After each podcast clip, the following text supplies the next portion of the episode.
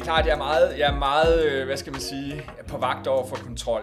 Og, og, Er det kontrol fra din side eller fra hendes Ja, side? det er fra hendes side. Ja. Ja, helt sikkert. Og, og det vil sige, på første date, når jeg er ude på første date, og jeg mærker det, så er jeg allerede øh, nærmest ude af daten. Hvordan vil du mærke det? Men det er meget hurtigt, det kan du meget hurtigt mærke, øh, fordi der bliver sagt nogle ting, hvor øh, det kan for eksempel være bare det der med, at man skal arrangere daten. For eksempel tidspunkter og hvor. Der kan jeg godt nogle gange lige være lidt laissez-faire og tænke, lad mig nu lige se, hvem der griber bolden. Og hvis bolden bliver grebet på en bestemt måde, hvor det er helt, hvor, hvor den jeg skal date er meget detaljeret omkring, hvor vi skal mødes. Og at det er vigtigt for vedkommende at vide, at det er lige den pølsevogn der, og det er ikke, og det er klokken det. Så tænker jeg, det er min, det er jo min øh, konklusion, at så kunne der være et tema om kontrol. Og det er ikke fordi, jeg har dømt det så på forhånd, men så vil jeg være, være lyttende til det, når vi så mødes. Og det hænger ofte sammen. Så det kunne være en måde at tjekke det på.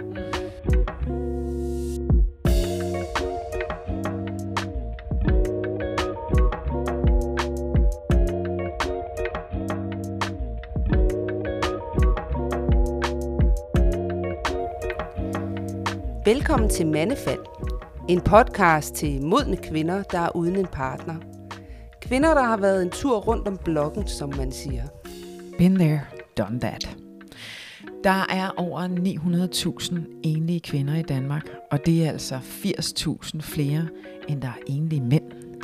Og mange føler, det er svært at finde en partner. Hvorfor? Er det fordi, vi er så mange flere? Eller er det fordi, vi er kredsende? Eller har vi simpelthen mistet vores markedsværdi? Fordi vi er en flok gamle kællinger? Det dykker vi ned i i denne podcast-serie.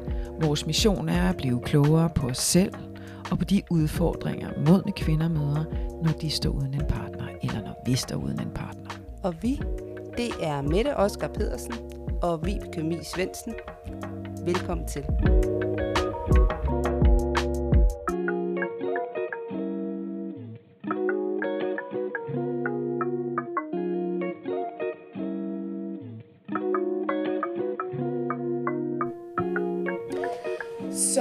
For første gang øh, mig, der er uden Mette. Ja, øh, men jeg sidder heldigvis ikke alene, for jeg sidder her sammen med Sten Geo Brandt. Ja, det gør du. Velkommen. Tak. Og du er jo en, øh, en af vores øh, skønne lyttere. Det er jeg, ja. Ja, lige præcis. Jeg har hørt alt på nær afsnittet i går. Det er perfekt. Jeg skal lige høre, Sten, hvad laver du egentlig? Jeg er sekretariatsleder ude på, eller på Aarhus Universitet og arbejder ude i Forlum, ude ved alle dyrene derude, øh, tæt på Viborg. Skønt øh, markområde, og jeg har jo været 18 år på KU på Frederiksberg, så I kan selv regne ud, at det er noget af en omvæltning. Ja. Øh, Jeg har kun været der lidt over et år, så Wow. ja, Så der er også øh, nye ting, men det er faktisk overhovedet Ja. ikke det, vi skal snakke om i dag. det er det ikke, nej. Fordi vi snakker jo mest om kærlighed. Dejligt. Ja. Så øh, jeg skal høre, hvordan er din sådan, kærlighedssituation lige nu? Ja, det tænker jeg nok, du gerne vil vide noget om. Jamen, jeg er single.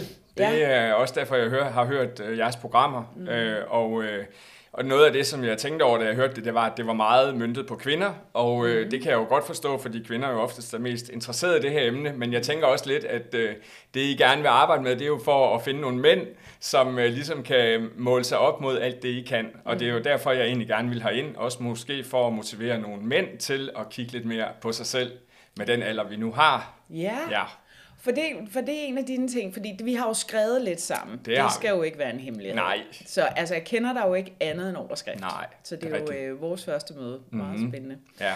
Så, så, øh, så bare for sådan lige starte fra start af, hvor langt, hvor, altså hvordan er din kærlighedshistorie, sådan, hvis vi Ja, kan tage den kort? ja, men den kan vi tage kort. Altså, jeg har været gift i 18 år mm. og blev skilt i 2019. Mm. Øh, og så kom der noget corona, og så øh, fandt vi lidt sammen igen, for der var nogle praktikaliteter, som gjorde, at jeg kom hjem igen. Ja. Øh, men øh, så i 2021, der mødte jeg så min første kæreste efter mit, øh, mit ægteskab, og det var så et langdistanceforhold med en kvinde fra Odder. Og, øh, og jeg tænkte lidt, at det var måske en meget god start efter så mange år med, med den samme, at, øh, at afstanden måske var en fordel på det mm. tidspunkt. Øh, og hun var blevet skilt cirka tre, også tre et halvt år øh, tidligere, eller to og et halvt år det så dengang, ikke? Øh, og det var, det var fint, det virkede godt. Så var Ja. det ikke så forpligtende, og måske heller ikke så... Ja, man kunne køre sit eget liv videre i virkeligheden, ja. øh, og så samtidig have en, man så en gang imellem. Okay. Så det var fint. Vi gik så fra hinanden øh, julen 21, og øh, det, det var en hård omgang øh, for mig. Øh, og øh, jeg valgte jo så at flytte på det tidspunkt øh, her, altså til Jylland, til Aarhus, mm. hvor jeg kommer fra oprindeligt og var så single der i en fire måneder, indtil jeg så mødte en ny kvinde fra Odder, også. Også hvor? Øh, også fra Odder, ja. Mm. Øh, og øh, vi havde så en meget stormende forelskelse sidste sommer, og øh, ja, det klingede så af, øh, og det kommer vi til at snakke om senere, hvorfor det gjorde det. Øh, og øh, så det vil sige, siden jul har jeg været single. Okay. Ja. Vi er. Så lange forhold, korte forhold. Ja. Hvor har du mødt alle de her kvinder fra Odder henne? Øh, den første mødte jeg på Happen, den dating-app, der hedder Happen, og øh, det er egentlig ikke en app, jeg synes, der var særlig god. Nej. Og øh, jeg havde et søgefelt, der hed 30 km fra Frederiksberg, så jeg burde jo ikke møde en herover, men de har en eller anden feature om, at der er nogle... Altså, der er, indimellem, så kommer der sådan fire, man skal vælge imellem. Det er sådan en shortlist, de laver og sender ud, og det er så åbenbart Okay. for hele landet. Og der klikkede jeg på, på hende, og hun klikkede på mig, og så det første, vi skrev sammen, det var, du bor for langt væk, så vi Ja. skal ikke ses. Tre uger efter, så var jeg i Odder for første gang, okay. så det var lidt sjovt. Og så Ja. ja. kørte det derfra. Ja. Så det var Happen. Anden Ja. gang var det Dating.dk. Okay. Ja. Så øhm, Det er jo, altså, man kan sige, det er jo fantastisk. Så er du en, øh, en app-specialist. ja, altså jeg vil sige, jeg har jo også været på Tinder, og der har jeg faktisk valgt nu at slette alle data. Jeg skal aldrig mere på der, fordi det jeg fandt ud af var for det første, jeg mødte ikke nogen der, og for det andet fandt jeg også ud af, at dem der er der, det er noget meget, altså tit bliver der ikke svaret, andre gange bliver det sådan noget overfladisk noget, og jeg har egentlig en fornemmelse af, at dem der er der, de er enten i kærestesorg, eller også gider de simpelthen ikke have en kæreste. Altså det er Okay. ikke et sted, hvor tilgængeligheden er stor, øh, opdagede jeg. Så det var, for mig var det spild af tid. Det blev noget med at bare sidde og swipe. Ja. Jeg tror, jeg svarede med 99 procent den ene vej, og så var der måske lige en enkelt i ny og næ, hvor jeg tænkte, jamen det er fint, og så hører du ingenting, Nej. Og så er det jo ligegyldigt. Så Ja. den har jeg simpelthen droppet fuldstændig. Okay. Ja. Så er du at finde på øh, dating Ja, jeg har været på Elite Daters, valgte jeg så, øh, okay. og øh, jeg vil sige, det er jo ikke fordi basen er så stor, men jeg vil sige, de beskrivelser, kvinderne kommer med der, er jo langt bredere, der står langt mere. Det er som om, der måske er lidt mere tryghed knyttet til, at det hedder det, og det er ikke fordi, det skal være snobbet eller noget, fordi det bryder mig faktisk ikke om, men jeg vil sige, det er, det er nogle mere seriøse mennesker, der er derinde. De vil faktisk gerne kærligheden, oplever jeg. Okay. Øh, men det er så ikke fordi, det har mundet ud i noget endnu, men jeg har da skrevet med nogen, og det har der været nogle andre det har været noget andet kommunikation, der har været, end for eksempel på, på Tinder. Det er lidt mere dybde. Okay. Okay. Jeg synes, det kan jeg faktisk godt lide. Og så er det stadigvæk på Dating.dk, fordi jeg kom til at købe et abonnement, der åbenbart ragt ud i fremtiden. Det havde jeg ikke lige.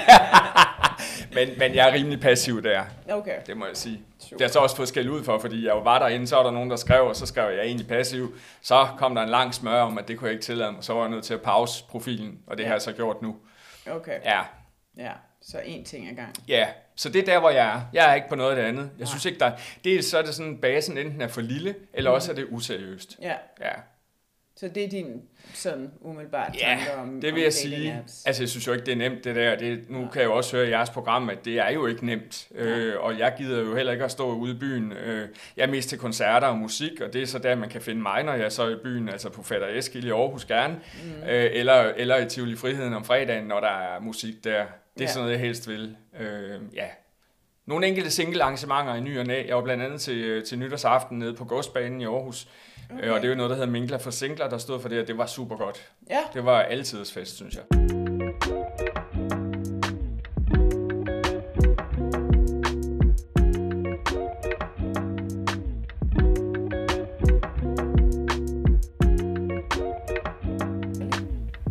Ja. Men så, øh, så gør du også noget ved, øh, ved tingene, kan man Det gør jeg. Ja. ja Du er det er aktiv. det vigtigste. Jamen, Ja. ja. det er, for mig er det det vigtigste i livet. Mm. Særligt nu, hvor børnene er kommet, og karrieren er jo heller ikke... Øh, altså, den er jo på held, kan man sige, i et eller andet forstand. Ikke? Mm. Så jeg, måske skal jeg sige, at jeg er 57 år gammel. Ja, Ja, det er måske 57. fint nok at sige det. Ja. Så, så karriere er jo ikke det, der, der trækker mere, eller driver. Nej. mig mere. Det er faktisk at finde kærligheden. Øh, og efter 18 år med det samme, er det bare ikke... Med den samme, så er det bare ikke nemt. Nej. Nej. Hvorfor er det ikke det? Jamen det er det ikke, fordi noget af det, jeg blev klar over i, i de forhold, jeg har haft, efter jeg mødte min, eller efter min ekskone, det er jo, at ens mønstre fra, fra barndommen, de bliver meget tydelige mm. øh, på en eller anden måde. Altså alle de der, øh, hvad skal man sige, et tema for mig har eksempelvis været kontrol og afsked. Og Ja.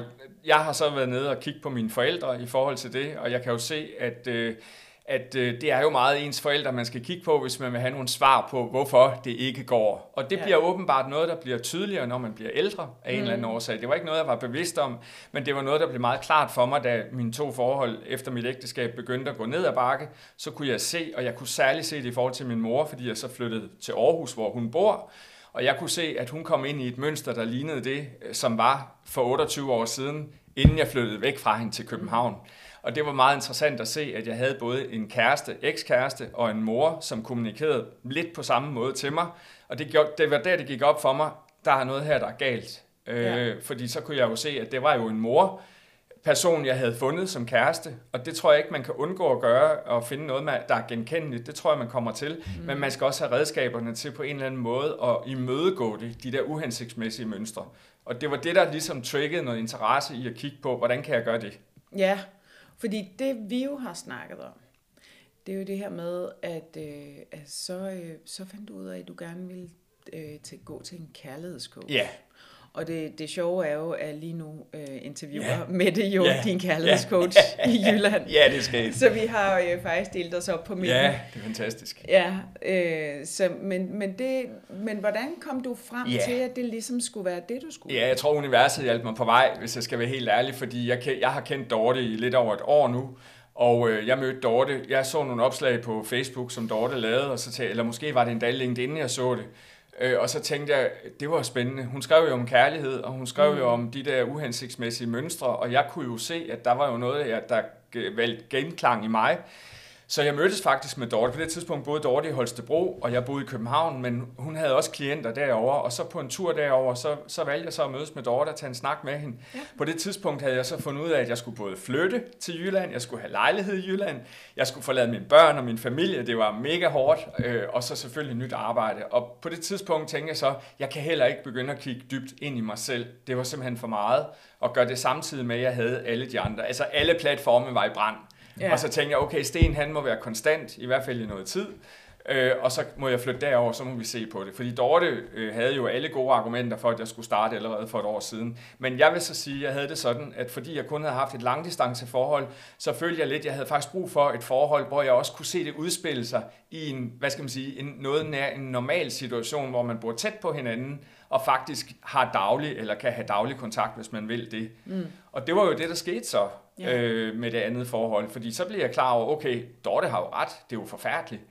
Øh, altså det, er jo, det ramte jo lige ind i min, mine mønstre at møde en kvinde, som, øh, som jo bestemt havde sine udfordringer i forhold til et tidligere ægteskab. Og det, det, det er ikke så meget hende, der egentlig er interessant. Det, der var interessant for mig, det var, hvorfor bliver jeg forelsket i en kvinde med den slags udfordringer? Det var egentlig det, der var hele mit spørgsmål. Det var, hvorfor, hvorfor er jeg tiltrukket af sådan en kvinde? Det peger jo ind i mig. Og hvis jeg vil ændre på det, så er jeg nødt til at ændre på mig selv, for jeg kan ikke ændre på omverdenen.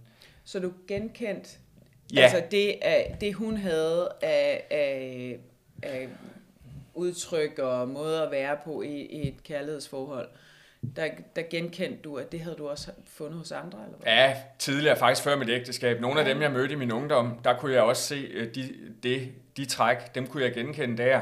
Men jeg tror, det, der forskrækkede mig mest, var, at, at øh, fordi hun var ikke øh, uærlig omkring, at hun havde udfordringer. Det sagde hun bestemt, at hun havde. Hun gik også til psykolog på det tidspunkt. Men, men det, der var forskrækket mig, og jeg var chokeret over, det var, jamen hold op, du går jo derind med, med åbne øjne, velvidende, at det her det er farligt for dig, og alligevel så gør du det. Og det er jo fordi underbevidstheden, det er jo den, der styrer dig i kærlighedsrelationer. Og det vil sige, selvom jeg godt kunne se advarselslamperne, så var jeg jo ikke stærk nok til at sige, der skal du ikke hen. Fordi jeg ville gerne derhen. Fordi så kunne jeg få åbnet min egen sår en gang til. Så hvad var det, der tiltrak dig den vej? Hvorfor er det, at du, bliver, du blev i hvert fald tiltrukket af den slags? Hvad er det, hvad er det der Men det tror jeg ikke, det kan du ikke selv styre. Jamen det er jo fordi, du får, du får åbnet den kasse af ubevidste øh, mønstre. Det er jo det, en, en partner kan åbne for dig. Det kan du jo ikke selv åbne, fordi Nej. det er jo underbevidstheden, vi snakker om. Den kunne hun åbne, og det var kontrol og afsked og manglende tid. Og det var også manglende tid, som er jo et, et skønt øh, øh, kærlighedssprog at have, altså tid til hinanden. Mm. Det var lige præcis der, øh, jeg begyndte at tænke, nu er vi ved at trække os fra hinanden. Og da jeg mærkede den, så kunne jeg både mærke min mor og min far, fordi det er jo et tema, som jeg har levet med, fordi min far har været en fjern far, og, og min mor har, har øh, rejst fra mig på et tidspunkt, da jeg var 10 år gammel og rejst væk et års tid, og har heller ikke følelsesmæssigt været i stand til at give mig den kærlighed, som man, man har brug for, når man er barn. Og det er jo, det er jo hendes øh, kodning og hendes udfordringer med sine forældre, som ligesom bliver ført videre over i mig. Så da jeg mødte det igen her, så tænkte jeg, det skal jeg ikke mere, fordi jeg, var, jeg havde virkelig hjertesorg anden gang, og, og der havde det sådan, det kommer ikke til at holde til en gang til. Og jeg vidste, at hvis ikke jeg gør noget ved det, jamen så ender jeg der igen. Mm. Bare med en ny, som trigger det samme.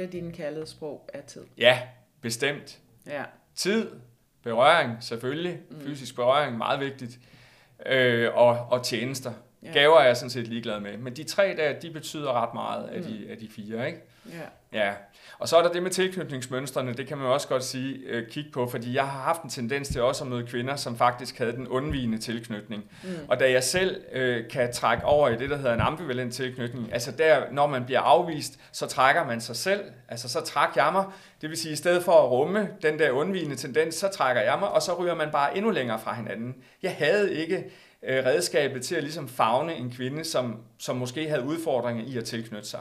Og det var meget tydeligt øh, i mit sidste forhold, at jeg havde mødt en kvinde, som ikke kunne det. Og, og det skal ikke lyde som om, at det er kvindernes skyld, det er der Nej, overhovedet ikke. Men det gør jo bare, at jeg er nødt til at reflektere over, hvorfor jeg møder kvinder, som ikke kan det. Ja. Og det handler om noget i mig, og Ja. ikke noget i dem. Og hvis der er nogen, der lige er i tvivl om tilknytningsmønstre, så er der, så er der nogle stykker. Ja, Der er fire. Ja. Øh, og det ene, det er, jo, øh, det er jo den trygge tilknytning, mm. hvor at den siger sig selv, man er tryg, ja. og, og man kan godt rumme øh, de ting, der sker. Og så er der ambivalent, hvor man bliver sådan lidt kold, varm, kold, varm. Altså, mm. øh, vil du ikke have mig, så kan jeg godt lide at gå mod dig. Vil du have mig, så bliver det også lidt for meget. yes. Øh, og så er der den undvigende, som, som mm. generelt jo har svært ved at være i en tæt relation. Ja.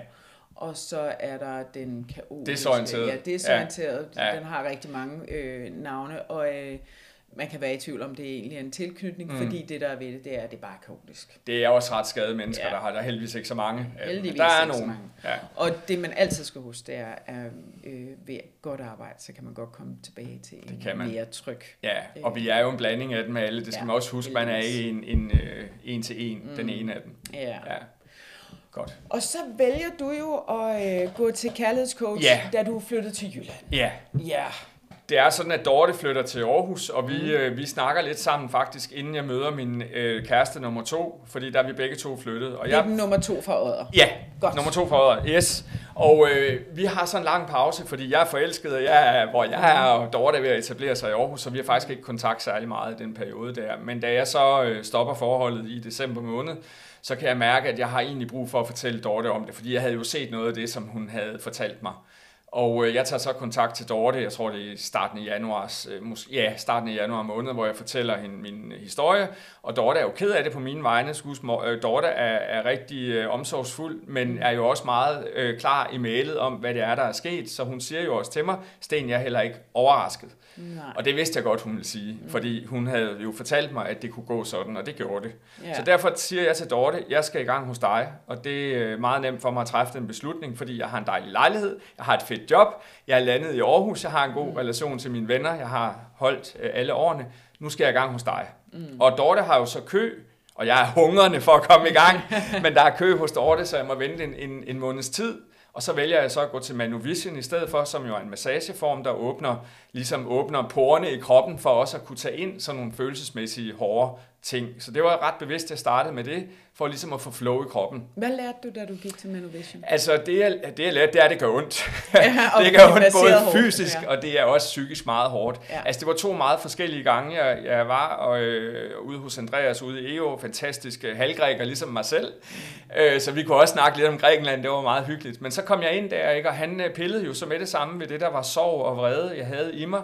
Og jeg vil sige, at den meste af den første gang, der lå jeg og tudede den hele time. Og det var ikke kun fordi, det gjorde ondt, det han gjorde, men det var simpelthen fordi, han ramte nogle punkter i mig, som bare gav frit løb. Altså, det var virkelig hårdt, og jeg var fuldstændig ødelagt, da jeg kom derfra. Øh, Hvordan jeg, var det at være i det der med at, at komme ind, lægge sig Mm. på madrassen og blive masseret, og så, og så simpelthen, ja. det lyder så lidt som om, du sådan faldt lidt sammen jo. jeg faldt sammen. Ja. Jeg var, jeg var virkelig dårlig den dag, jeg kom derud. Ikke? Og han, men han, er, altså, han fokuserer jo på din vejrtrækning. Det er jo det, der er så vigtigt. Ja. Han prøver, at man holder fokus på det og bare giver slip. Mm. Og det vil sige, når du kan det, så kan han også komme dybere ind i din krop. Mm. Jeg synes, det var hårdt, fordi han også fortalte mig, hvad det var for nogle følelser, og hvem det var øh, i forhold til. Og der dukkede min mor jo op øh, meget tydeligt øh, mm. som en stor sorg, og, og det gjorde ondt jo både at høre, men jo også, at han havde fat i nogle smerter i kroppen, som, som jo var helt ukendt for mig. Jeg havde slet ikke prøvet at mærke sådan en smerte før, og det der jo er vigtigt at forstå, er også, at det er jo kroppen, der rammes først mm. af, af de dårlige oplevelser. Det er jo meget før op i hjernen opdager, at det er jo faktisk kroppen, det sidder i. Ja, det lærer sig, lærer sig i kroppen, og ikke? især i lederne faktisk. Nemlig. Ja. Og derfor var det jo super fedt at komme ud til ham. Og så vil jeg sige, da jeg så var der tre uger efter, jamen det var en helt anden oplevelse. Altså dels så havde jeg ikke brug for at græde, fordi det, nå, der er jo flow. Og jeg var ikke startet hos Dorte endnu på det tidspunkt. Men der var flow i kroppen, og øh, jeg kunne presse ham faktisk til at tage hårdere fat nogle gange. Det var en stor øjenåbner for mig. Mm. Og, og han sagde også til mig, det er jeg heller ikke overrasket over. Du har det bedre, det kan jeg også se på dig. Mm. Så det havde altså gjort noget øh, at komme ud til ham. Så stoppede jeg, fordi jeg skulle i gang hos Dorte. Ja.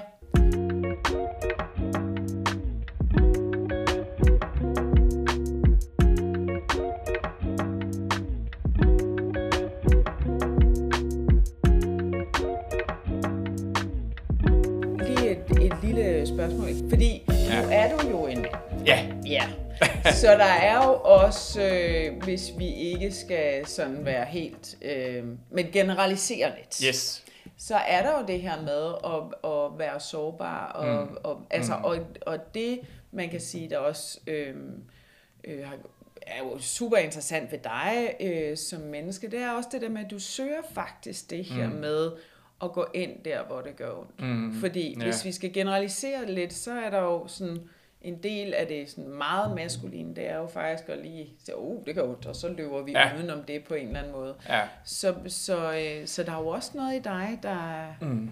der har søgt noget andet. Ja, og det, det handler jo om, at for mig er kærligheden det vigtigste nu. Altså, jeg har en alder nu, hvor karrieren jo ikke er det vigtigste længere, øh, og børn har jeg fået også heldigvis for det, og jeg har en skøn ekskone, som ikke kunne være bedre for de børn, så det er jo rigtig dejligt. Så fokus er nu på at nyde livet. Altså så, der kan være kort tid tilbage, der kan heldigvis også være lang tid tilbage, mm. men hvis man skal opnå den højeste lykke, så er vi nødt til at fokusere på kærligheden, og hvis Ja. du vil opnå den, så er du nødt til at kigge på dig selv. Mm. Og det er også derfor, jeg bliver ked af det, når jeg ser mange mænd især, som lukker øjnene for det her, fordi det de i virkeligheden bare gør, det er, at de går ud og finder en morerstatning, øh, og som de lynhurtigt får ind igen øh, som en erstatning, både for deres ekskone og deres mor, og så bliver de ikke særlig lykkelige af det, fordi det kommer til at udspille sig gang på gang det samme mønster, og det er det, jeg også selv kunne se, for nu har jeg jo prøvet det. Og hvis du vil et andet sted hen, så er du nødt til at kigge på dig selv. Du kan ikke kigge på de andre, mm. for du går det samme sted hen hver gang, hvis du ikke gør noget ved det. Så det er sårbart selvfølgelig, men jeg har valgt at udstille min sårbarhed, og, og den testimonial, jeg også har lavet til Dorte, den har jeg jo valgt at gøre offentlig. Mm. Og det er jo for både at motivere nogle mænd, det er måske også for at gøre mig, øh, altså lad os nu være ærlige, jeg er også single. Jeg synes også, at det er interessant, hvis nogle kvinder får øje på det her, og synes, at det er attraktivt. Det kan jeg så sige, det ved jeg, der er, fordi jeg faktisk indimellem får beskeder på Messenger, hvor nogen har set et opslag, eller noget, jeg har liket, eller noget, jeg har skrevet, og hvor de så bliver nysgerrige på, hvem er du, Sten? Mm. Så selvfølgelig er der også noget, noget salgs øh, i det. Det vil Ja. jeg da gerne indrømme. Nå, eller noget, noget, noget umiddelbart ærlighed i Ja. at være fokuseret Ja. på, øh, på kærligheden. Ja. Jeg tror aldrig, jeg har mødt et så fokuseret øh, menneske eller mandfolk, som, som er så fokuseret på, på kærligheden og, Nej. og dens værdi. Men det er jeg jo glad for at høre, men det er jo måske også fordi, jeg synes, jeg har opnået rigtig meget i mit liv øh, til, til næsten 100 procent, og så er der et sted her, jeg synes, der halter gevaldigt. Og hvis det så er den sidste parameter, jeg synes, jeg vil, skal højere på et højere niveau, så er det her, jeg sætter min energi. Mm. Og jeg har jo rigtig meget energi i det, jeg foretager mig, så jeg går også all in på det. Mm. Og derfor tror jeg også godt, at jeg vidste, at da jeg mødte Dorte for et år siden, at, at jeg ville nok ende der alligevel. Det tror jeg, jeg har sagt til mig selv mange gange. Jamen, vi ses igen, Dorte. Mm. Ikke? Men på det tidspunkt var det ikke. Altså, man skal også nå frem til, at det er der, du skal hen. Hvis muren bliver så høj, at du ikke selv kan komme over den, så er det jo som regel, man søger nogle løsninger, hvor, hvor man får lidt hjælp. Har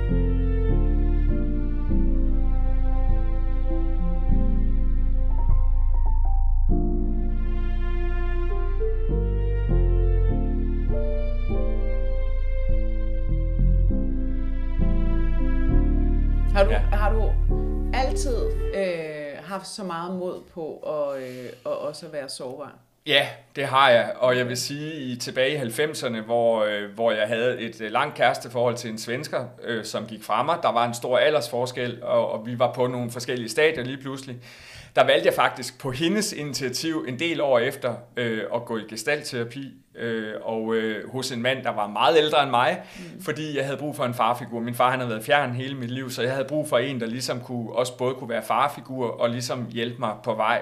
Og det var der, jeg første gang fik øje på mine mønstre i forhold til min mor især. Mm. Øh, og det bevirkede faktisk, at vi ikke havde kontakt i fire måneder, fordi jeg havde simpelthen brug for at forstå, at det var alvor. Altså jeg har haft en meget grænseoverskridende mor, og også manipulerende mor og kontrollerende mor i forhold til, hvad jeg lavede, og hvad jeg, jeg gjorde, og hvilke kvinder jeg mødte også. Altså havde en skarp mening omkring dem.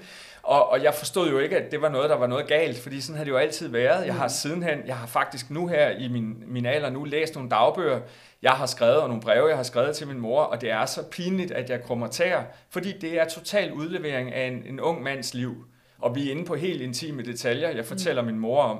Og det fortæller bare noget om, at, at sådan kan du ikke, sådan et liv kan man ikke have. Og jeg har jo gjort rigtig meget for i forhold til mine piger, slet ikke at være inde i den boldgade der. Jeg har, det er slet ikke noget problem, men det blev et problem for mig.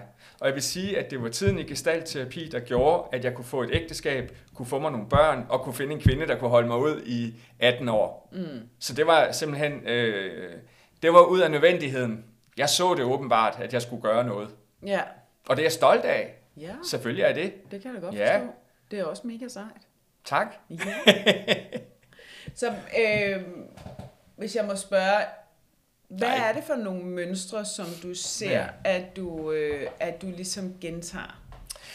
Jamen det er klart, jeg er meget, jeg er meget øh, hvad skal man sige, på vagt over for kontrol. Og, og, Er det kontrol fra din side eller fra hendes Ja, side? det er fra hendes side. Ja. Ja, helt sikkert. Og, og det vil sige, på første date, når jeg er ude på første date, og jeg mærker det, så er jeg allerede øh, nærmest ude af daten. Hvordan vil du mærke det? Jamen, det er meget hurtigt, det kan du meget hurtigt mærke, øh, fordi der bliver sagt nogle ting, hvor øh, det kan for eksempel være bare det der med, at man skal arrangere daten. For eksempel tidspunkter og hvor. Der kan jeg godt nogle gange lige være lidt laissez-faire og tænke, lad mig nu lige se, hvem der griber bolden. Og hvis bolden bliver grebet på en bestemt måde, hvor det er helt, hvor, hvor den jeg skal date, er meget detaljeret omkring, hvor vi skal mødes. Og at det er vigtigt for vedkommende at vide, at det er lige at den pølsevogn der, og det er ikke, og det er klokken det, så tænker jeg, det er min, det er jo min øh, konklusion, at så kunne der være et tema om kontrol. Og det er ikke fordi, jeg har dømt det så på forhånd, men så vil jeg være, være lyttende til det, når vi så mødes. Og det hænger ofte sammen. Så det kunne være en måde at tjekke det på. Mm. Forladthed og tilgængelighed, det kan være noget med øjenkontakten, når man er på date. Det kan, være, det kan være det her med, hvis man ikke er så åben. Hvis jeg, fordi jeg er meget åben. Jeg kan godt finde på at gå ud og vinterbade på første date. Det gjorde jeg faktisk med min kæreste nummer to. Vi var ude og vinterbade den første gang, og det var fantastisk. Ikke? Alt er smidt, og, og man, der er bare en barriere, der falder. Men der er jeg jo nogle gange ude for, at det kun er mig, der vinterbader. Og der spørger jeg så på forhånd, skal jeg tage badebukser med, eller skal jeg bare hoppe i? De fleste kvinder siger, du skal da bare hoppe i. Det er jo klart.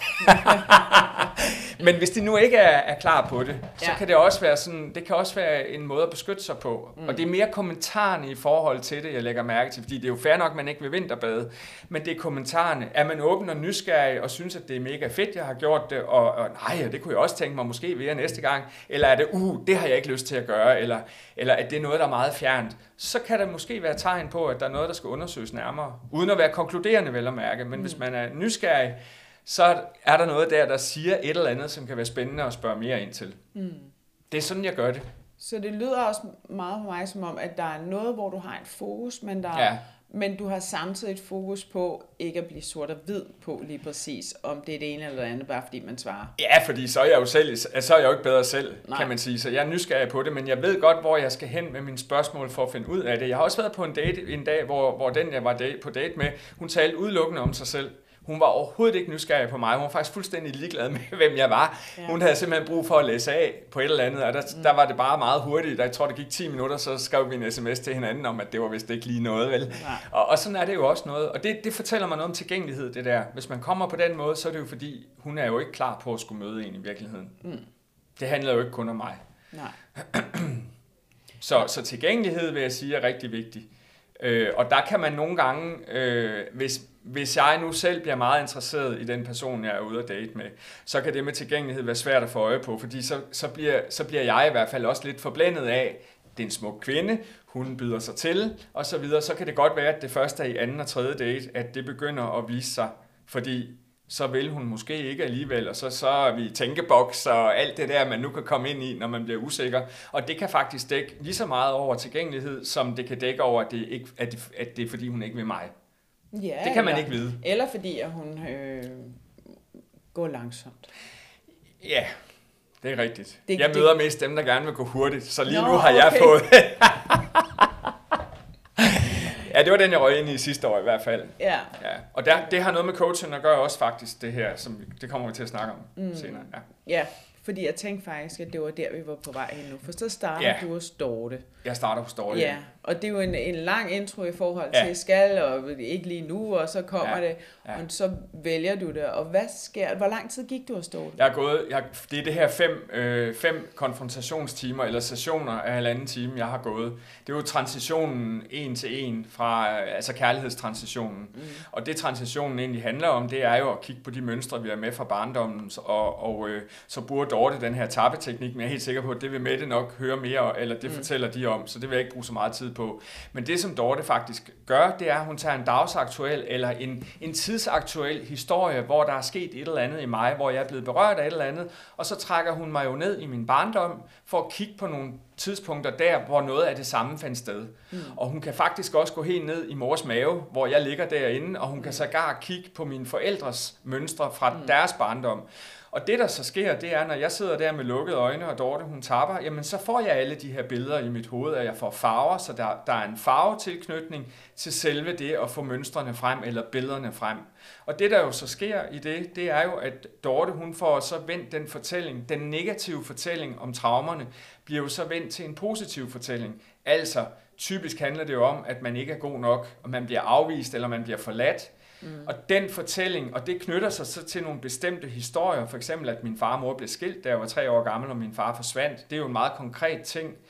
Den fortælling kan så vendes til noget positivt. Dels at det var ikke fordi, jeg ikke var god nok. Nej, det var fordi min far havde et problem, øh, og de havde et problem. Så på den måde bliver det ikke din skyld, at, at du fik nogle traumer, da du var barn. Det var faktisk nogle omstændigheder, som, som man godt kan få noget positivt ud af.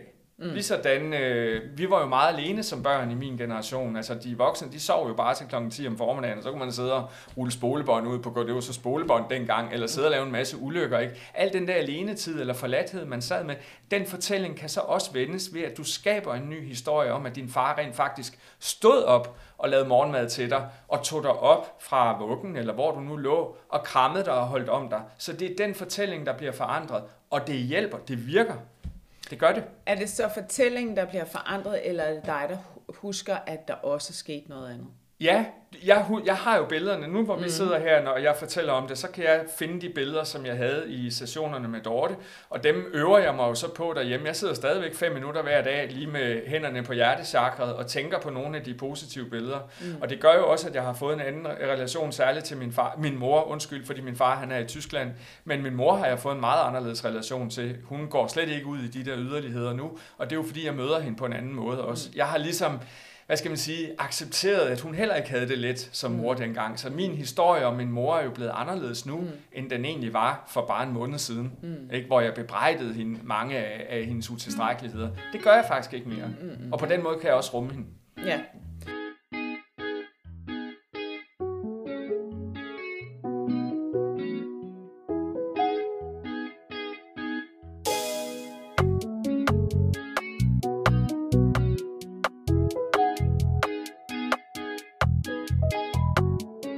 Så, så tanken om, at... Øh, eller det er mere den der historie, ikke? Altså det her med, at vi som faktisk som, som mennesker øh, øh, igennem historien har måttet huske alt det dårlige.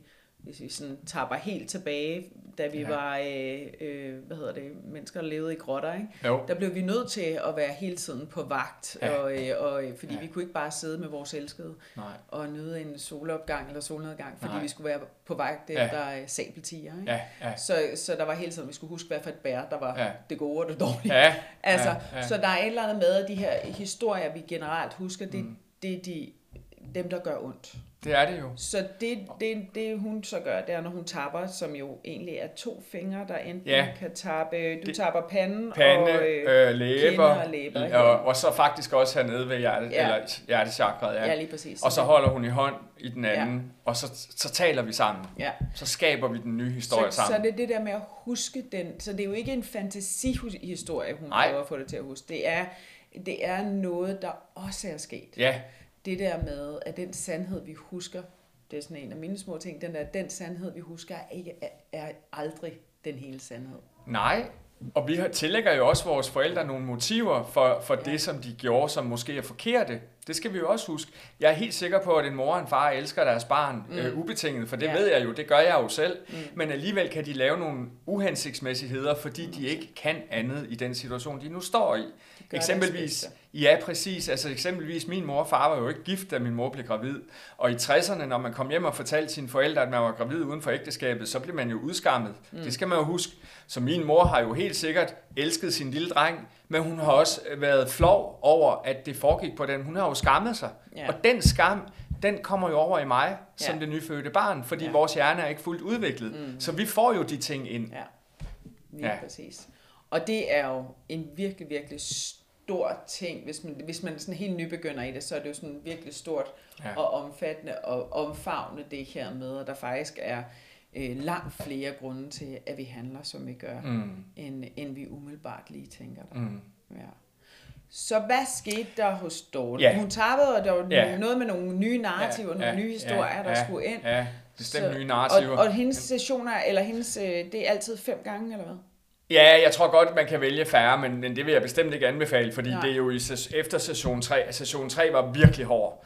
Altså, der var vi helt nede og grave i, i fortiden, øh, for, fordi øh, Dorte opererer med et øh, begreb, der hedder den energetiske kodning, mm. og det vil sige, det er den, man har fået med fra sine forældre, men også deres forældre og så videre. Den lever jo videre, det her. Jeg har jo mulighed for at stoppe det nu ved det, jeg har gjort. Så der gik jeg hjem fra Dorte, og så sov jeg resten af dagen. Der var jeg helt smadret. Men session 4 og 5, Femmeren især var jo myndet på at tjekke mig af, om jeg var klar til at møde en ny kvinde. Mm. Altså, er min kodning forandret? Det er virkelig det, det handlede om. Og der tester hun det af ved at gå de tre første sessioner igennem, for at jeg skal mærke, fordi jeg græd jo i session 1, 2 og 3. Altså, jeg havde jo masser af tøj, og det var jo virkelig hårdt at gå igennem det her. Mm. Så bliver det testet af i session 5, hvor vi kigger tilbage og gør det samme, som vi gjorde 1-3, selvfølgelig udvalgte episoder, og jeg reagerede ikke. Mm. Jeg reagerede ikke på det på samme måde. Jeg forholdt mig nøgtern til den dreng, som havde de her sår, men jeg kunne ikke mærke dem. Mm. Og det fortalte jo Dorte, det fortæller så Dorte, jamen Sten, du har faktisk rykket dig nu hen et sted, hvor du er klar til at skrive en profil på et eller andet dating, eller gå ud og møde nogen ude i byen, byen, fordi nu vil der ske noget andet. Du vil blive tiltrukket af noget andet nu. Og, og du, du kan godt blive ked af det og forlade en dag, men du vil ikke gå lige så meget i stykker, som du har gjort hidtil. Og det var også vigtigt for mig, fordi jeg gik i stykker sidste gang. Ja. Så hvad, hvad sker der, når, når du går i stykker, eller da du gik i stykker? Jamen, det er helt forfærdeligt, og det kan du nu ved, kan du se og mærke, at jeg er en følsom mand, så jeg, vil, jeg går meget stykker, og jeg vil, jeg vil jo pege tingene indad mod mig selv, og jeg vil blive ved med at spørge og hige og søge efter svar, og, og jeg vil sågar også, jeg brugte også meget tid på at være i dialog med, med, med min ekskæreste, altså den sidste, og, og det var egentlig, jeg havde egentlig lukket den ned, men, men da hun så skrev til mig, så blev jeg blød og tænkte, oh, der er et håb, ikke? Så higer vi efter det, og vi lå så og skubbede hinanden frem og tilbage i cirka tre måneder, og, og til sidst der, der var jeg så langt ude, at jeg var ret tæt på at få et angstanfald. Altså, ja. så, så det var virkelig skidt. Ja. Det var kun fordi, jeg vidste, hvordan jeg skulle gribe den ved at lave vejrtrækningsøvelser. Mm. Ellers så havde jeg ikke haft det godt. Ja. Så det var også derfor, jeg vidste, at, at det kan jeg ikke holde til igen. Og jeg ville jo vide, at det ville formentlig ske igen, hvis jeg mødte en, som jeg ville blive forelsket af. Ellers kunne jeg lige så godt bare flytte ud i et tiny house med min hund ude ved stranden, og så leve alene resten af mine dage. Fordi det var også, der var jeg også på et tidspunkt, hvor jeg tænkte, jeg, jeg kan ikke det her mere. Nej kan ikke holde til Jeg kan ikke holde til det, vel? Det er, for, det er for hårdt, simpelthen. Og jeg også mit job og sådan noget. Jeg bliver også nødt til at sige det på mit arbejde, ikke? fordi jeg kunne jo ikke præstere der. Og det går meget ud over min... Jeg er faktisk meget nidkær med, hvordan jeg gør det på mit job, så det havde jeg det også dårligt med. Mm. Så det blev sådan dobbelt. Og mine børn, jeg var heller ikke til stede over for dem, når de ringede og havde deres problemer, så kunne jeg mærke, åh, oh, det var hårdt, ikke? Så okay. den grund. Og det tror jeg faktisk, der er mange, der genkender det der med øh, at være øh, nervøse for at gå ud i et forhold igen, fordi man er blevet så ramt og så ked af det, at det har præget så meget af ens liv. Så det der med at kæmpe sig op af den brønd igen, og få lidt lys, at, øh, at, at det bliver sådan... Tør du så igen? Ja, det er det ikke. Tør ja. jeg komme ned ja. på bunden af den brønd, ja. fordi det er ja. der, det ender ja. hver gang. Og der vil jeg sige, det ville jeg ikke have gjort, hvis Dorte ikke havde... Hvis jeg ikke havde været hos Dorte... Nu tør jeg godt. Mm. Fordi nu ved jeg også, at jeg er stærkere. Det, det, det, det giver det her hos Dorte, er jo, at du bliver et stærkere menneske, og du hviler mere i dig selv. Jeg er heller ikke lige så restløs, som jeg var sidste år, hvor jeg, hvor jeg godt vidste, at det, der skulle få mig endeligt over den tidligere kæreste, det var sgu da bare at finde en ny mm. piece of cake. Det nemmeste, ja. du kan gøre. Men det er jo heller ikke den rigtige måde at gøre det på. Man er nødt til at hvile i sig selv. Og det gør jeg på en helt anden måde nu. Hvordan så. mærker du det? Jamen det gør jeg jo, fordi jeg kan, jeg kan sidde derhjemme en hel weekend og hygge mig med mig selv. Mm. Jeg, behøver ikke at være, jeg behøver ikke at sidde og skrive på nettet med, med, med nogen. Øh, det ville jeg have gjort før. Der ville det have været mit, mit uh, kick. Det var at, at matche med en eller anden, og så begynde at skrive. Øh, og så måske finde ud af at mødes. Det vil så være det, der holdt mig sådan nogenlunde ovenvand, ikke? Mm. Sådan har det slet ikke været den her gang. Jeg har faktisk haft fire måneder, hvor jeg, hvor jeg stort set kun har været mig selv, og haft rigtig meget enetid. tid Øh, jeg har også været i sorg, så jeg har også været ked af det. Men, men jeg, har ikke, jeg føler ikke, at jeg er søgende og hine mere, som jeg var. Jeg føler, at jeg er åben og nysgerrig, og der er kæmpe stor forskel på de fire ord, mm. hvis man danner den parvis. Ikke? Altså åben og nysgerrig, det synes jeg er noget, det er noget mere nøgtern. Det er, hvor man er mere sådan, jamen åben for, hvad der kommer ind. Hvorimod søgende og hine, det er en, der skal redde dig. Mm. Ikke? Og det er ikke nogen god forudsætning for at gå ud på datingmarkedet på, for der er sgu ikke nogen, der kan redde dig. Nej. Det er der ikke. Mm. Det skal du selv. Mm. Ja. Ja. Så det kan jeg godt mærke en forskel. Så den ene ting er det der med at føle sig stærkere og føle, at, at den der brønd, den er ikke så dyb mere. Det, det tror gør jeg ikke lige så ondt. Ja, nej. Ja. Eller, eller jeg når lige at lave sådan en ust Spiderman og ja, lige ja. øh, stoppe, før ja, jeg rammer bunden. Ja, ja. Øhm. Jeg kan sige det på den måde, at jeg fik en, øh, jeg fik en øh, besked fra en på, på Messenger på et tidspunkt, og hun skrev, øh, hun havde, jeg ved ikke, hvad hun havde set, hun havde set et eller andet, og så skriver hun, vi virker til at være perfect match. Og der, havde, der ved jeg, i gamle dage, wow, hmm. fedt mand, der er en, der synes det. Jeg må til tasterne, og vi skal garanteret mødes meget snart det var en helt anden approach, jeg havde. Jeg skrev faktisk til hende, at det, der, det var dejligt besked, du har skrevet, men det der med perfect match, det er altså godt nok lidt, øh, det, det er ikke, øh, der er jeg ikke, sagde jeg bare. Det, det, det er et helt andet tempo, jeg er i. Og det tog hun faktisk positivt, og skrev tilbage, ah, det var måske også lidt kægt, men jeg mærkede faktisk, at hun blev mere interesseret i mig. Mm. Fordi jeg egentlig trak den lige de der tre skridt, tilbage, i stedet for bare at, at være med i den med, at nu skal vi mødes i morgen, ikke? og måske knalde, eller hvad ved jeg. Mm. Øh, fordi det har jeg også prøvet på første date, og det er fint, men, men så kommer du heller ikke videre, vel? Mm. Altså, så, så der er jeg ikke mere. Jeg er meget mere, øh, jeg er også mere analyserende på de her ting omkring tilgængelighed, og hvad er det egentlig, der bliver søgt her? Er det en, der skal redde dem? For kvinder vil også reddes, det kan jeg love dig for. Det er ikke kun mændene. Øh, og dem har jeg mødt mange af dem, der gerne vil redde sig mig, fordi jeg er meget omsorgsfuld, men det giver bare ikke mig noget. Og det er jo det, jeg har indset også hos Dorte, at jeg skal kunne være, være omsorgsfuld for, over for mig selv først og fremmest, ikke over for kvinden. De skal, de skal have en ballast selv, for at det er interessant. Altså kærlighed er noget, man bygger på, en base, man selv har skabt. Kærlighed er ikke noget, man gør ved at hænge en hat på en anden. Det dur ikke. Så kommer der en ubalance på et tidspunkt. Så hvad er det, du søger nu? Ja, der er ingen tvivl om, at jeg søger en, som har... Det skriver jeg også, tror jeg, i min profil, at man skal have selvindsigt, og man skal tør dele den. Så det vil sige, at det er noget, jeg skal kunne tale med vedkommende om. Ellers er det ikke interessant. Mm. Så hvis det kun handler om, at vi skal ud og rejse, og vi skal på store eventyr og sådan noget, jamen, så bliver det ikke med mig. Det er fint også at have det, men, men det skal være baseret på, at vi har talt om, hvor vi er i livet. Mm. Og det skal også være de svære ting. Og det er meget gerne, hvad er din historie med din eksmand, eller dine forældre, hvad har du oplevet, hvad har du af søskende, hvad er dine relationer, og jeg tænker, at fortiden faktisk er vigtig her i forhold til også at få en fornemmelse af, hvad er det så for en fremtid, man kan kigge ind i. Og det er klart, det er ikke på første date, vi snakker her. Vi snakker om et forløb, men et dating er jo et forløb. Det er jo, altså man er jo ikke kærester den første uge, vel? Det er faktisk noget, der tager måske nogle måneder, før man kommer dertil. Mm. Og der har jeg, det har jeg heller ikke selv været bevidst om før. Og sidste år, der var jeg kæreste efter dag tre, og jeg tror, jeg mødte hendes forældre efter en uge, og det var fantastisk, og jeg var med på hele bølgen, ikke? Mm. Men det er bare for at sige, det, det er ikke en god start i virkeligheden, fordi vi er nødt til at finde ud af, hvem er vi? Og det tager tid, så det skal være en, der er indstillet på det, først og fremmest. Mm. Og så er det klart, så er der jo noget omkring det fysiske og så videre. Men, men jeg vil sige, at der er jeg faktisk lidt overrasket over, at det er ikke fordi, det ikke betyder noget, men det kan ikke stå alene. Mm. Det kan det bare ikke. Mm. Der vil jeg sige, at de indre værdier er vigtigere, og jeg synes, det er okay at tale om kærlighedssprog på første date faktisk, fordi det kan godt give en indikation af, om personen er noget for dig. Hvis det er store gaver, øh, og tid er ligegyldig, jamen så er det jo ikke mig, vel? Fordi nu har jeg lige sagt, at tid er min vigtigste parameter, og gaver er for, fuldstændig ligegyldig. Så det kan man godt få, man må jo ikke spørge direkte, men man kan jo godt få en fornemmelse af det, hvad der betyder noget. Er det, at man kører i en stor bil, eller er meget ekstravagant, eller ikke? Det kan mm. man jo godt finde ud af på første date. Mm. Ja, det kan man helt sikkert. ja. Undskyld. Det er så fint. Hvad hedder det? Jamen, hvad med, øh, er der andet? Altså nu er der, der er noget med at lære det her med, at, at ting skal ikke gå for hurtigt. Ja. Det er sådan en ting, jeg hører, der ja, er ja. vigtigt for dig, og at dybde er vigtigt. Ja. Og at, øh, at du øh, får styr på, om de her kvinder, du bliver tiltrukket af, har samme mønstre, som du før er faldet for.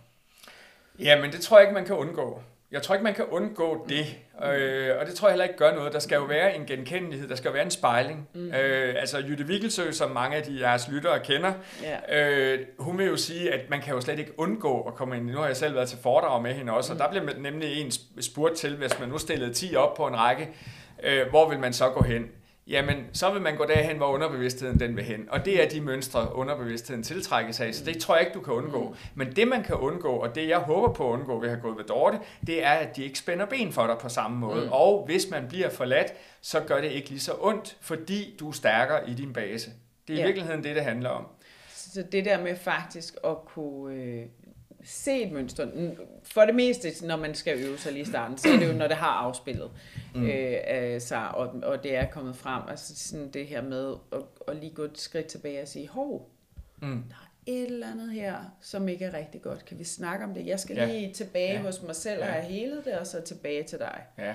Ja. Det er en god idé at gøre det. Og der, der er det, jeg mener, der skal man jo være, altså kvinden skal være åben for at kigge ind i det sammen med dig, eller i hvert fald sammen med sådan en som mig. Fordi ellers tror jeg, der kommer til at ligge nogle skjulte ting, som kan dukke op senere. Mm. Og, og altså, det her er jo ikke den perfekte opskrift, jeg prøver at give her, men jeg siger bare, at i forhold til mig, vil det være vigtigt at kunne have sådan nogle snakke på et relativt tidligt stadie, vil jeg sige. Mm. Så det, ja. man kan sige, det er indgangsvinklen til dig, det hvis vil, man gerne vil det. Det, det, det vil det være, ja. Det vil det være. Man skal, ja. tur, man skal helst gerne have kigget ind af, og man skal også turde dele det. Fordi jeg tror, vi alle mennesker har brug for det, særligt hvis vi har haft meget lange forhold. Altså jeg har jo den der med, jeg følte jo lidt, da jeg blev skilt, at jeg kom ud af min mors mave igen, mm. bare som en gammel mand, mm. men med et følelsessystem, som jeg havde fuldstændig glemt, hvordan det egentlig fungerer. Mm. Så det vil sige, jeg følte mig som helt nyfødt, og skulle først finde ud af, hvad er det egentlig, hvad er, nu du spørger, hvad er det, jeg søger? Jamen det vidste jeg da ikke. Jeg vidste jo ikke engang, hvem jeg var selv. Vel? Og hvis du ikke ved det, så ved du heller ikke, hvad du søger. Mm. Så jeg følte mig meget, og det er også derfor det første forhold efter mit ægteskab, og der var vi heldigvis på samme stadie, kan man sige. Det var noget med trial and error. Ja. Ikke? Så der var ikke nogen af os, der vidste rigtigt, hvad vi gik efter, men vi kunne bruge hinanden dels til at bitche lidt over vores ægtefæller, tidligere ægtefæller, og så kunne vi faktisk give hinanden noget omsorg i det. Og ja. det var vel det, vi egentlig mødte som. Vi er for øvrigt øh, venner i dag, og mm. det er mm. helt fint. Og, og det er jeg glad for, fordi det viser også, at der var, der var en grund til, at vi havde lyst til at snakke med hinanden. Der var noget venskabeligt over det, og distancen var der jo også, så det var jo helt fint.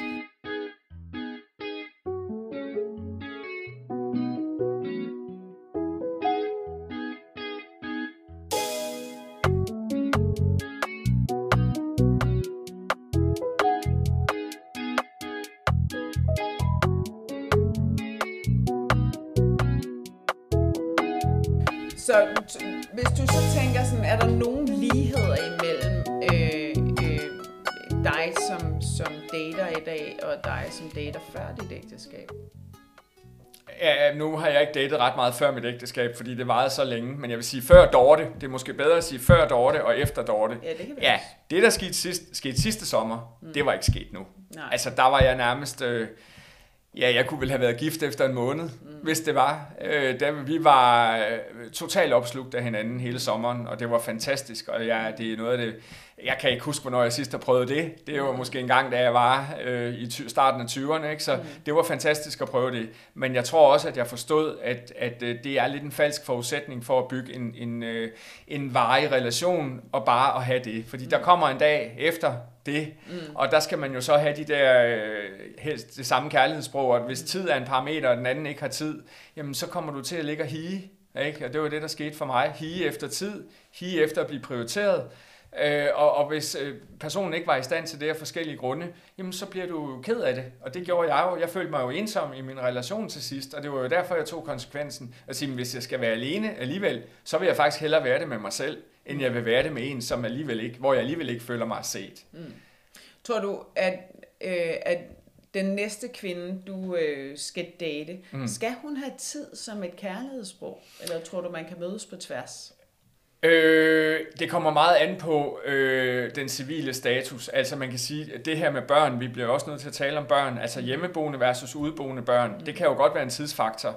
Mm. Fordi hvis den, man møder, har hjemmeboende børn, og jeg, nu har jeg jo i princippet udboende børn, mm. så vil der jo være en tidsfaktor, hvis der er noget 7-7. Så mm. kan man jo ikke ses, i hvert fald ikke i en god del af starten, mm. øh, den uge, hvor, hvor børnene er hjemme. Og jeg oplever også, nu det er måske især kvinder, der har det sådan, jeg oplever, at mange kvinder faktisk prioriterer den tid med børnene, og det har jeg alt mulig ære og respekt for, og fuld forståelse for, og det bakker jeg op om, særligt nu, hvor jeg bare er flyttet fra mine, ikke? Så, så det vil jeg gerne, øh, det er jeg helt med på. Men det gør jo, at tid bliver en vigtig faktor, når man så har tiden. Mm. Så det, det er det, jeg mener tiden til kvalitet, når den så er der. Fordi vi har travlt i dag med alle mulige gøremål, og jeg har selv været totalt opslugt af private gøremål efter arbejde. Det har jeg så valgt ikke at gøre nu, fordi jeg vil faktisk gerne vise en kommende kæreste, at jeg vil prioritere hende. Mm. Jeg vil have tid, men det skal gå begge veje. Yeah. Og der tror jeg igen, kommunikation er altafgørende, fordi mm. der kan man godt mødes på tværs, hvis man ligesom bliver enige om, jamen hvad betyder tid så? Mm. Ikke? Fordi vi behøver ikke at sidde og se fjernsyn en, en onsdag aften. Det er, ikke, det er ikke tid for mig. Mm. Tid er, at når vi så er der, så laver vi noget sammen, eller vi ligger og hygger, og vi snakker, hører musik, nu kan jeg godt lide musik, øh, og gør nogle af de ting sammen. Eller mm. går ud og går en lang tur og vinterbader, eller vandrer, eller noget. Altså, det bliver kvalitet, fordi ja. det er det, vi skal nu i vores liv. Ikke? Mm. Vi har jo været i løb på stegen med børnene, hvor tiden bare gik, fordi vi havde et andet opdrag, og det var vores børn. Men der er jeg jo ikke nu. Så det er et shout-out til Mette også. Løbersteg ja, har været der. Vi det har været der, Mette. Kan du høre, hvad jeg siger? det er slut. Vi er en alder, hvor der er gerne mere løbersteg. Ja, ja lige præcis. Det er det. Nå, det er godt. Ja. Ja, hvordan øh, er det for dig at være øh, single i dag? Hvis vi bare lige tænker i dag. Hvis vi vi, hvis vi lige zoomer ind i lige nu. Ja, altså øh, det er jo langt bedre end før Dorte, vil jeg sige. Og mm. det er det jo, fordi jeg kan faktisk godt lide at være i mit eget selskab, og jeg kan godt være i ro i mit eget selskab. Så jeg læser faktisk ret meget, eller hører lydbøger, hvilket jeg ikke gjorde før i tiden. Øh, jeg ser mange datingprogrammer på tv, det er jo altid sjovt. Jeg er fascineret af de unge mennesker, jeg synes, de er fantastiske, og hvilken indsigt de har. Og jeg vil nogle gange ønske, at jeg havde den indsigt, da jeg var 20 år gammel. Mm. De er jo kloge, de unge mennesker. Yeah. Så man kan faktisk godt lære noget af de der programmer på, på DR og TV2, synes jeg. Så jeg sluger til mig af, af god viden om dem. Øh, jamen, jeg har det okay, men selvfølgelig er der nogle savn, når man ikke, altså, når jeg er alene, det er klart. Øh, men jeg, jeg synes ikke, det fylder lige så meget, som det har gjort. Altså, øh, så, så det kan jeg godt finde ud af, men det er jo ikke et ønske, at jeg skal fortsætte med det. Mm. det er ikke. Men jeg vil sige, at der er nogle ting, jeg ikke vil gå på kompromis med. Altså, der er nogle dealbreakers, som Dorte bruger, øh, hvor jeg vil sige, at det vil jeg ikke. Mm. Altså, øh, hvis vi kommer ind i nogle krav, og, som minder lidt om kontrol og den slags, jamen, så er det ikke mig, man skal hen til. Altså, vi skal have vores frie liv, og, og der vil jeg også sige, at jeg er også en type, som, som når jeg møder en kvinde, jamen så ser jeg meget gerne, at hun har et aktivt liv, og laver ting, hvor jeg ikke nødvendigvis er med. Det er ikke, fordi jeg ikke interesserer mig for det, men jeg tror bare, det er vigtigt, at vi har et liv selv. Mm. Det er igen basen. Ikke? Vi skal ikke være afhængige af, at den anden vil det samme som mig. Men vi skal selvfølgelig have nogle fælles interesser, vi kan dyrke og, og synes er skønt sammen, hvor vi kan udvikle os. Det er jeg helt med på. Men, men går man til salsa, og der er en lækker salsa-instruktør, som hun gerne vil gå til, afsted med dig, mm. ikke? så kan jeg se fodbold med en kammerat. Mm. Altså det øh, synes jeg er helt fint. Mm. Så både frihed og kvalitet. Ja, det tænker jeg. Ja. Det tror jeg godt kan rummes inden for, for døgnens 24 timer, ja. Selvfølgelig kan det det. Det ja. tror jeg også. Ja. Det tror jeg også. Ja. Vi er faktisk, øh, altså tiden går jo øh, ja. super, super stærkt. Ja. Ja. Øh, men vi er faktisk nået ved, at vi skal stoppe. Ja, det er da ærgerligt. Hvad skal du i aften? Hvad skal jeg i aften? ja, jeg, skal, jeg skal ud med en veninde. Ah, ja, det er godt. Så det er dejligt. Ja, jeg skal ja. hjem til mine børn. Du skal og min hjem til ja, dine det er så fint. og din er så fint. Ja i, uh, i København. Og det skal også lige siges, hvis der er noget lyd, så sidder vi jo hos uh, i min venindes lejlighed på ja. Vesterbro, har vi lige lånt et lille Fantastisk. lydstudie, fordi du lige kunne komme til København i dag. Ja, uh, så der kan have været lidt uh, børnealarm for oven og for neden, ja, ja. men uh, det er, hvis der er nogen, der lige har noget med lyden. Ja. Så kan det være det. Og så er det også min første gang, jeg styrer lyd alene. Ej, du var knibbelgod. Ej, udover at jeg lige manglede batterierne og måtte løbe afsted. Ja, ja, Men skidt nu pyt vær ja. med det, for det er gået skide godt. Det har været virkelig dejligt at snakke med dig, Sten. Tak skal du have, Vibeke. Det har været en fornøjelse. Det er godt Jeg håber at motivere nogle mænd også til, ja. og måske lige at nogle kvinder derude, der lige prikker til nogle mænd og siger, lyt lige til ham der, Sten. Ja, lige præcis. Han har faktisk noget på hjertet ja. til jer. Så der er et shout-out til mænd ja, om, at øh, få lige styr på ja. jeres øh, baggrund. Ja øh, fordi det faktisk kan gøre noget ved jeres fremtid. Ja, og, og det er jo det, der er det Og det er godt både for kvinderne og for mændene. Lige præcis. Ja. Det er vi helt enige mm-hmm.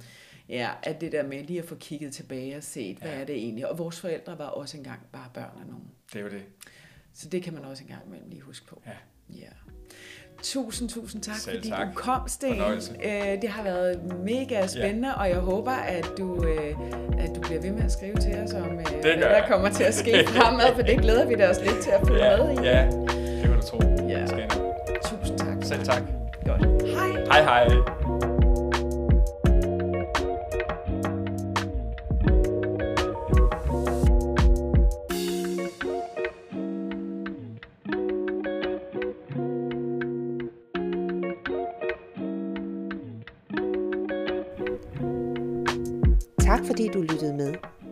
Dejlige, lækre musik, den var leveret af Oliver Ejstrup.